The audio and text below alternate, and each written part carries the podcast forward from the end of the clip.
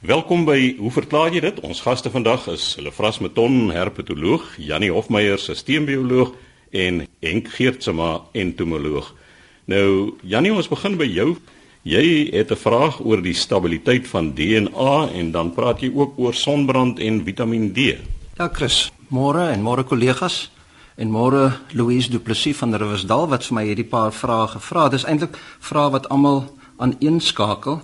En die eerste een is eintlik as gevolg van 'n uh, storieetjie wat ek in 'n vorige program vertel het oor die stabiliteit van DNA en dit gegaan eintlik oor die drie Nobelpryswenners wat in die vorige ronde nou vir hulle werk op DNA herstelmeganismes hulle prys gekry het. En Louise sê, dis 'n goeie vraag, as die DNA dan nou so onstabiel is soos wat ek verduidelik het, dat ons het altyd gedink DNA is baie stabiel, maar ons weet nou daar's almal mekaar foute wat uh, herstel moet word.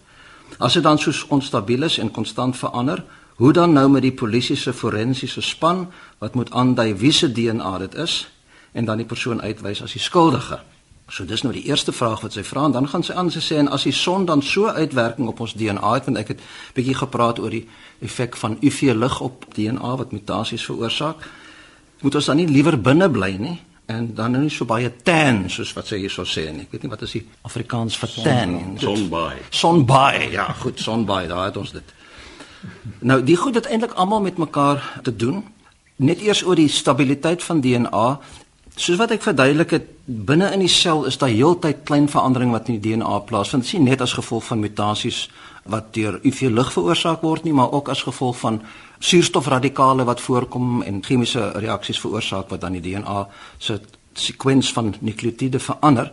Maar as mens praat oor die stabiliteit van DNA na dood of as mens DNA uit 'n rooi bloedsel of uit 'n haar se wortelhaar, dis gewoonlik die twee bronne wat gebruik word vir forensiese DNA vingerafdrukbepaling, die DNA se stabiliteit is nie so belangrik daar nie. Die stabiliteit in die sel nou. Buitekant as daar klein veranderinge plaasvind dan beïnvloed dit nie hierdie tegnieke so sterk nie. Wat natuurlik gewoonlik gebeur met hierdie vingerafdruk tegnieke, dis ons vir die identifikasie van kriminele of om vas te stel of daar familieverwantskap tussen twee persone is of selfs om organismes te identifiseer wat siektes veroorsaak. Dan word daar 'n klein monstertjie getrek, soos ek gesê het, 'n druppel bloed is genoeg, die wortel van 'n haar, miskien as jy net 'n wattetjie binne in jou mond sit, dan tel hy 'n paar selle op en dis genoeg om 'n DNA sekwens te bepaal. Dan is daar 'n hele stel van tegnieke nou wat mens kan gebruik om stukke van die DNA te analiseer en te vergelyk met ander om te sien of daar verwantskappe is. Ek gaan nou nie ingaan op die tegnieke nie, maar hierdie moderne vingerafdruk of profileringstegnieke soos wat dit genoem word is eintlik redelik onsensitief vir die soort foute wat deur die selsherstelmeganismes nou reggemaak word. Nou as ons kom na die sonlig toe want ons het nou laas gepraat oor die effek van sonlig en die veroorsaking van velkankers wat ons weet as ons te lank in die son is, dan moet mens eintlik twee aspekte te mekaar afspeel. Die een is ons het sonlig nodig want sonlig is noodsaaklik vir die vorming van 'n belangrike verbinding Vitamiin D in die liggaam uit cholesterol uit. Maar as jy te veel sonlig kry, dan kan jy nou hierdie mutasies in die DNA kry wat op die einde kan lei tot velkanker. So jy het sonlig nodig, maar te veel daarvan is gevaarlik. En ons weet nie presies hoeveel sonlig ons nou eintlik nodig het nie. Daar's geen offisiële aanbeveling van hoeveel blootstelling aan sonlig genoeg is om nou aan ons Vitamiin D se behoeftes te voldoen nie. Nou Vitamiin D is nou 'n interessante verbinding, is nie eintlik 'n vitamien nie. Vitamiene is gewoonlik verbindings wat jy met jou dieet moet inkry omdat jou liggaam dit nie self kan maak nie. Maar in die geval van Vitamiin D kan jou liggaam dit maak uit cholesterol uit en dis 'n hele proses. Daar is selle in die vel wat dan as die sonlig op die vel val, dan word die cholesterol omgesit na 'n ander verbinding, staan bekend as Vitamiin D2 of D3. Die een is ergocalciferol D2 en dan colcalciferol D3, maar hulle is nog onaktief. Ja, nie maar kan mens Vitamiin D dan inneem in 'n drankie? Het jy sonlig nodig? Jy het nie eintlik sonlig nodig as jy genoeg Vitamiin D in jou dieet inkry nie, maar baie min kossoorte het eintlik Vitamiin D in. Ons kry baie van ons Vitamiin D deur melk wat gefortifiseer word met Vitamiin D, die melk wat ons elke dag drink. Maar kos is eintlik redelik arm aan Vitamiin D. Ons het die sonlig op die vel nodig om aan 'n klomp van ons behoeftes te voldoen of jy moet Vitamiin D aanvulling neem. Hmm. Is 'n kwessie van hoeveel. Ons weet nie eintlik hoeveel te veel is en hoeveel genoeg is nie. Maar as mens genoeg aan die son kom, dan is die hoeveelheid wat vorm van die Vitamiin D genoeg om aan die behoeftes te voldoen. So wat dan gebeur is dan gaan hierdie onaktiewe Vitamiin D vorms gaan dan die lewer toe En daar's daar 'n ensiem wat dan 'n hidroksiegroep, 'n OH groep aansit in posisie 25, dan word dit genoem calcidiol. En dan gaan dit na die niere toe en dan word daar nog 'n OH groep aangesit en dan word dit calcitriol genoem en dit is die aktiewe vorm van Vitamiin D. So eintlik is Vitamiin D nie 'n vitamiin nie, maar 'n hormoon. En ons weet dit het 'n klomp effekte, belangrike effekte in die liggaam. Dit beheer byvoorbeeld die konsentrasie van fosfaat en van kalsium in die bloed en het dan baie te doen met die groei van been, beenvorming. Maar ons weet ook nou dat Vitamiin D se effekte baie wyeer is. Dit is daar's neuromuskulêre effekte en veral op die immuunfunksie is daar baie belangrike effekte. So as jy Vitamiin D tekort het, dan word jou immuunfunksie onderdruk. Jammer dat ek nou weer onderbreek want ek dink sommer nou 'n bietjie verder as die mens.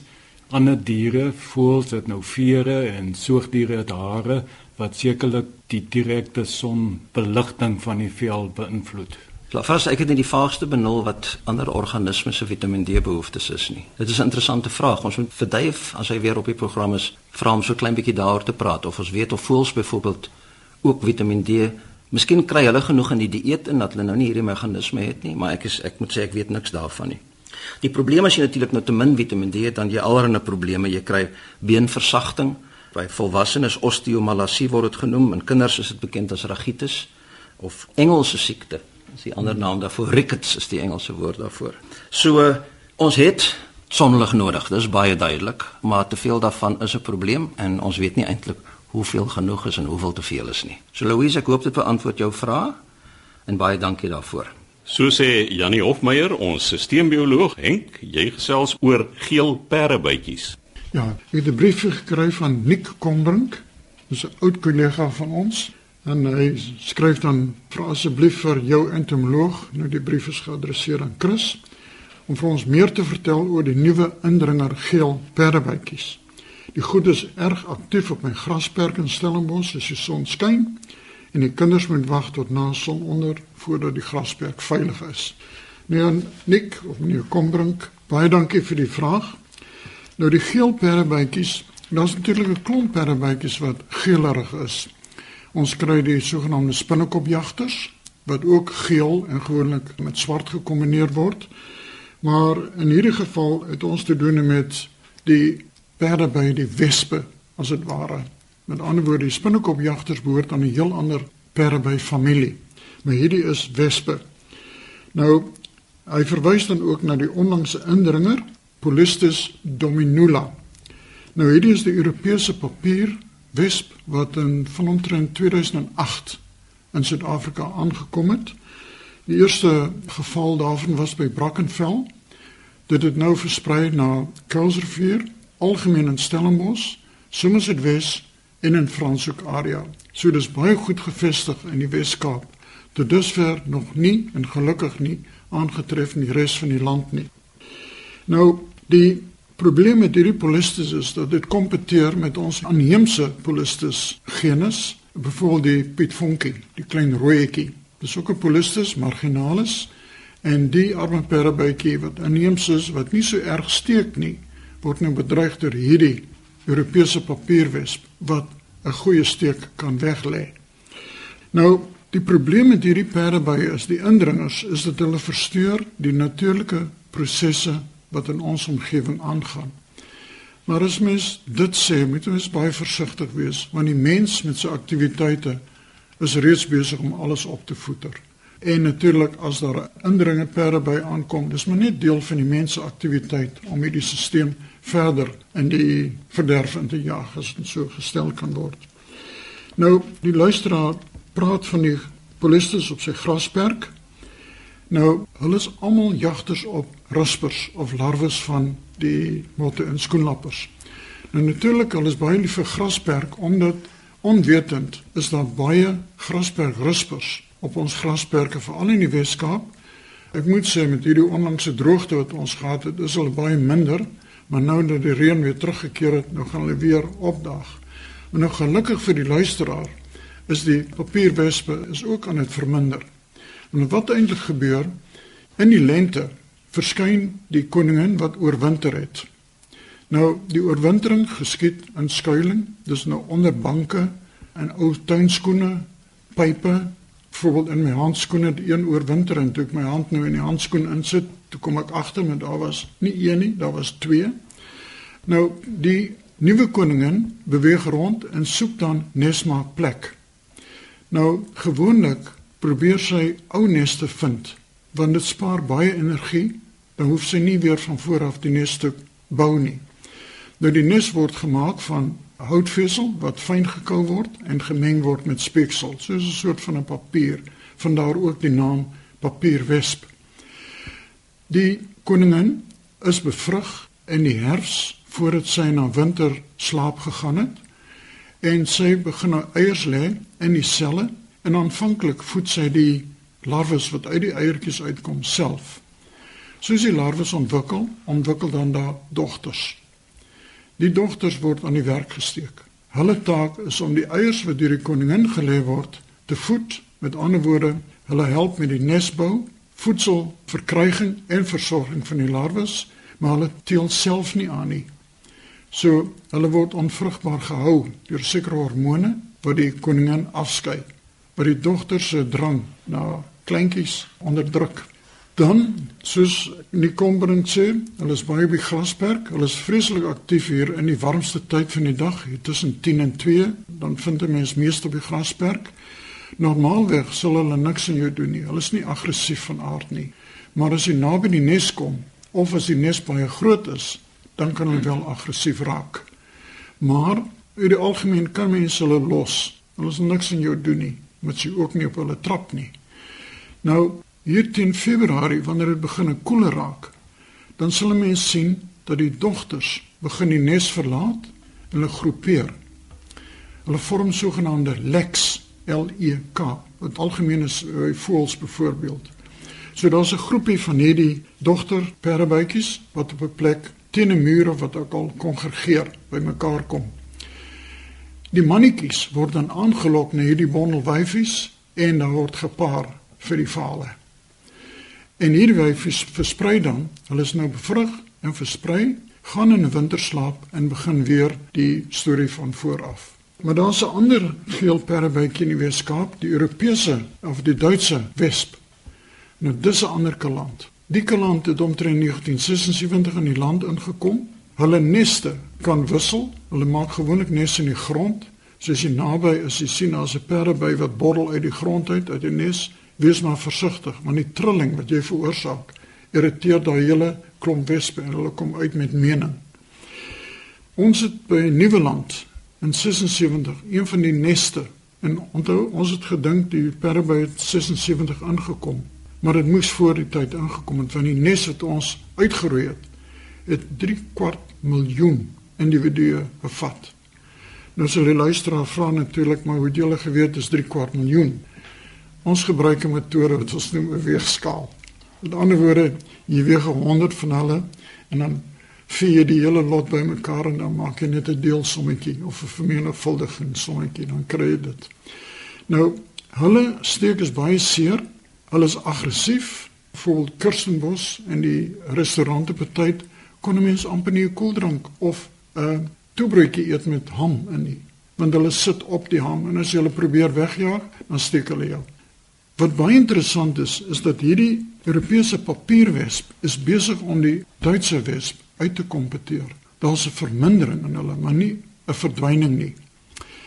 Dan wat die bestryding van hierdie insekte aanbetref, die stad Kaapstad het 'n eenheid, 'n wesp uitwissingseenheid. Jy kan nou inbel na hulle toe, dan kom hulle na jou huis toe en dan roei hulle nou jou nes uit. Nou die nes is gewoonlik onder dakkappe, onder holtes en skadu By my huis is daar van hulle in my lugversorgers wat buite staan. Maar eintlik is dit 'n skrale troos. Want hierdie perdebye kan ver vlieg tot 100 meter van die nes af. Met ander woorde, hulle kan die perdebye op jou erf uitroei, maar nie op die buurman se erf en hy nog nie kom klaar nie. Daar is 'n aktiewe navorsingsprogram wat gelei word deur Dr. Rian Veldman van die Universiteit van Stellenbosch in samewerking met die Universiteit van Kaapstad met Kaapse Natuurbewaring, met Isiko Museums, met Sanbi, die Kersenbos Botaniese Tuin. So daar word aktief nagevors na nie die uitwissing as sulks nie want ons besef dit gaan baie moeilik wees om hierdie goed uit te wis, maar wel om die vermindering van die kolonies te bewerkstellig en om die verspreiding van hierdie perdebye na die res van die land te probeer beperk. Wat wel interessant is, wat ons 'n bietjie bekommer, een van ons studente het een van hulle versamel by Plettenberg Bay. Tot dusver was die verspreiding net op die Franshoek en Somerset Wes, nog nie eintlik oor die berg nie. Maar hierdie in Plettenberg Bay bekommer ons 'n bietjie, want dit dui aan dat hulle daar aanwesig kan wees. As jy nie kom bring, hou maar die kinders weg van die grasperk as die son skyn en baie dankie vir die vraag. Henk, ek wil net vanaand vra, dis nou seker eerder bedoel vir 'n ekoloog om hierop te antwoord, maar jy het nou genoem dat hulle voed op grasperk rispus. En as 'n mens nou kyk, verskeie voëls, die haridas wat nou so toegeneem het in die Wes-Kaap, vreet hulle die aardwurms op my gras op, die Europese spreeu, die stalings wat Cecil John Rhodes hier ingebring het, hulle vreet ook die wurms op jou gras. Nou gaan dit nie op die ou end beteken dat daar geen lewe in jou grasperk meer gaan wees nie versekerde Grasberg mense gaan dit 'n seën wees. Uh nee, die ding is onthou die Grasberg rusper. Daar's baie wilde areas van gras wat nou nie grasperke en so is nie. So hierdie mot gaan nie maklik uitgeroei word nie. So ek dink nie jy hoef bekommerd te wees op die grasperke in die woongebiede, miskien wel. Ek meen met waterbeperkings word die grasperke al minder. Maar in die natuur is daar nog baie wilde kikuyu langs riviere en so aan waar die grasperk rusper en die mooitjie natuurlik lustig kan voortgaan. So sê Henk Geertsma, ons entomoloog, laaste aan die woord is Lefras Meton, herpetoloog en Lefras, jy het 'n speurverhaal hier oor 'n slangvel as ek reg is. Einste Chris Leo van Sail het 'n kort briefie geskryf, hy is van George. Hy sê gisteroggend het ons 'n vars slangvel uit die Grenadella heining gehaal. Dit was ongeveer 6 voet lank, klein koppie en lang dun stert, mondelike swart mamba, vraai. Het die vel mooi reguit in die stoor gesit. Vanoggend toe ek die stoor oopmaak, was die vel skoon veld, oral gesoek net weg. Ons het nie honde of katte op die plaas nie en daar's nie 'n komplek vir ongediertes nie. Kan jy miskien vir my sê of die slang self of sy maat die vel kom haal het? dit is regtig vir ons 'n bietjie snaaks en voel ons versigtig want ons ken net pof adders in die deel en nie swart mambas nie.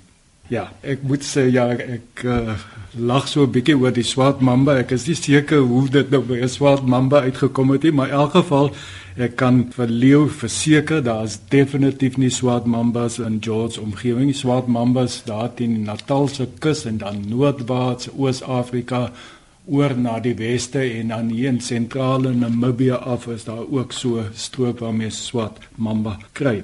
So die groot slange wat daar voorkom, die geelslang, koperkapel in George omgewing, molslang is ook 'n groot slang en ons weet hy het 'n klein koppie en dan miskien nog die rinkalse kan ook redelik groot wees.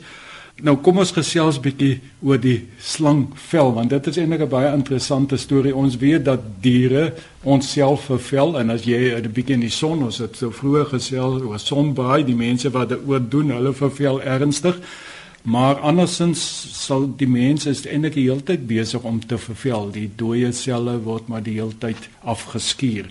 Maar by reptiele, amfibieë is die vervelprosesse baie meer afgebakende proses. Jy kan duidelik sien daar gebeur dit nou in die vel kom af. Die rede daarvoor natuurlik by hierdie diere is die horinglaag aan die buitekant van die epidermis. Dit is 'n baie belangrike rol van die skubbe om ons weet akedisse en slange het sterk skubbe. Dit is nie beenplate nie, dit is daardie buitenste epidermis laag wat so hard is.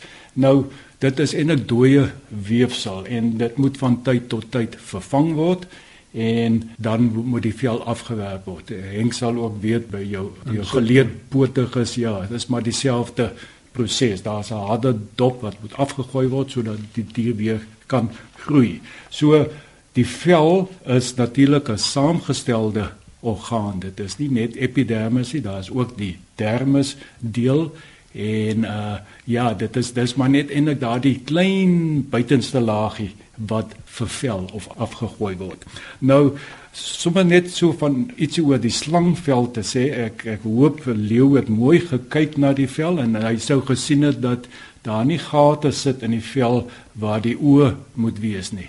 Want die vel of 'n slang vervel natuurlik oor sy oë en Die verklaring daarvoor is natuurlik dat die slang se oë lank in die geskiedenis het die ooglede saamgesmelt, versmelt geraak.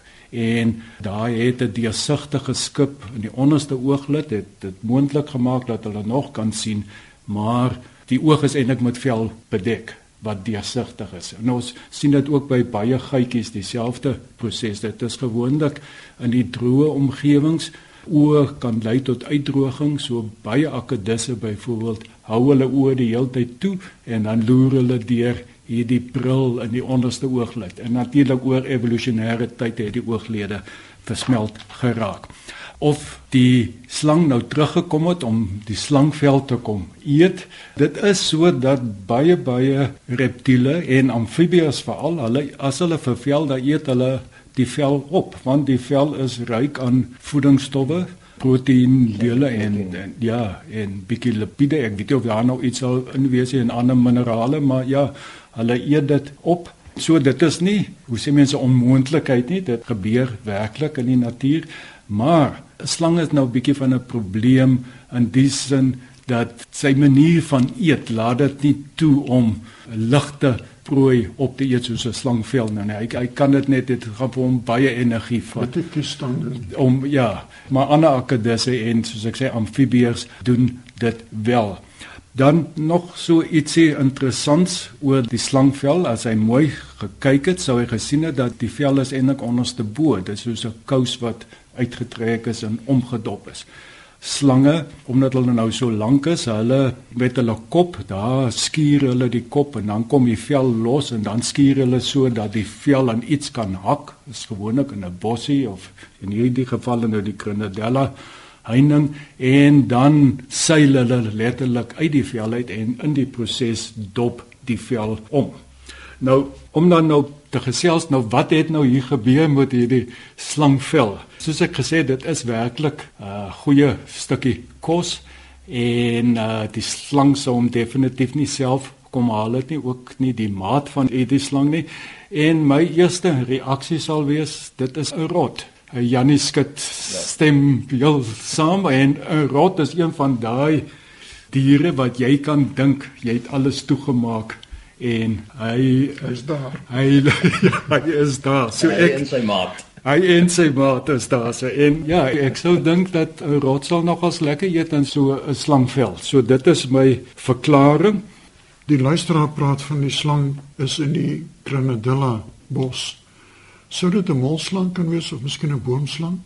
Jy sal nou weet hoe hoog 'n Grenadella heining is redelik laag as weet nou nie as dit nou hoog op is ja. sal mens nou dink dalk boomslang maar ja dit, ja maar jy weet ek het al agtergekom met 'n slangvel is nogals moeilik om die slang te identifiseer dit is alles is so bietjie gerek en onderste bo Ja, dit kan eintlik enige van die groot slange wees. Ek het nou net nou genoem molslang, maar sekerlik boomslang, jy kry groot boomslange. So dit om af te sluit, ja, die hele vervel storie is baie interessant van reptiele en daar's een reptiel wat ek nou niks oor gesê het nie want ek dink nogals dit kan 'n lekker gesprek vir volgende keer wees om bietjie oor skilpaaie te gesels. Want dit wat jy daar sien, die dop is ook vel en wat gebeur daar? So sê Lefras Meton, die vel is dan opgespoor, die rot het dit gesteel en uh, daarmee het die tyd ons ook ingehaal. Skryf gerus aan, hoe verklaar jy dit? Posbus 2551 Kaapstad 8000 of stuur 'n e-pos aan chris@rsg.co.za.